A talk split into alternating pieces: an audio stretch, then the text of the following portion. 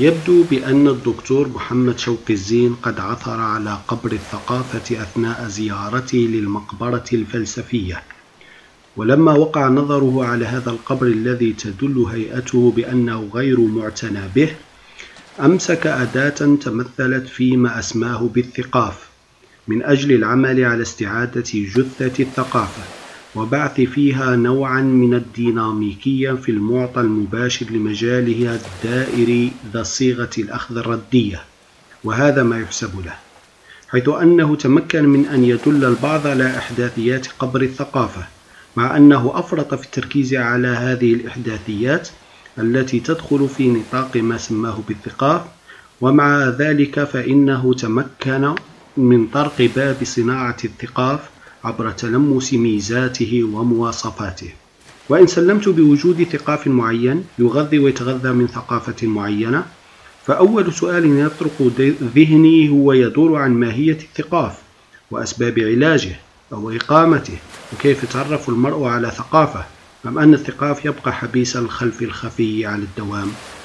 يبدو كذلك بأن العنوان المختار لهذا العمل ليس من طرف البلاغة إذ أنه يحمل الشفرة الرمزية للدلالة على البعد الثالث للثقافة في حين أن العناوين الفرعية تعطي للموضوع المتناول صورة رسومات تتغلغل في صلب النسيج المفاهيم لما هو يحيط بمعاني الفلسفة الثقافية.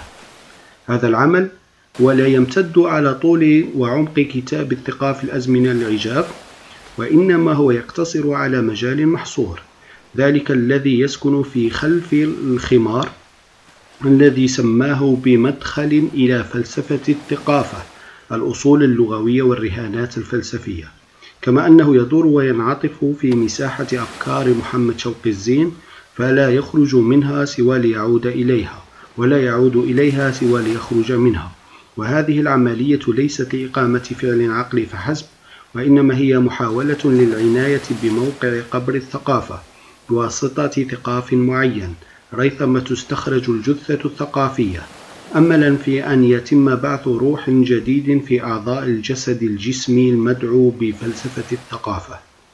أرجو أن يكون واضحا بأنني أتعامل مع أفكار محمد شوقي الزين وفق النظرة التحليلية بما جاء به انطلاقا من قاعدة فكرة ضرورة اكتساب القوة لفرض التموقع. وهي حسب الموضوع الذي يحمله هذا العمل محاولة لبيان السبيل إلى صناعة ثقافة قوية قوة لثقافة معينة بالاعتماد على ثقاف قوي. لأن الصدام الذي ينتج عن تمظهر الحضارة لا يمكن ضبطه وحصره وتحديده في جانب معين.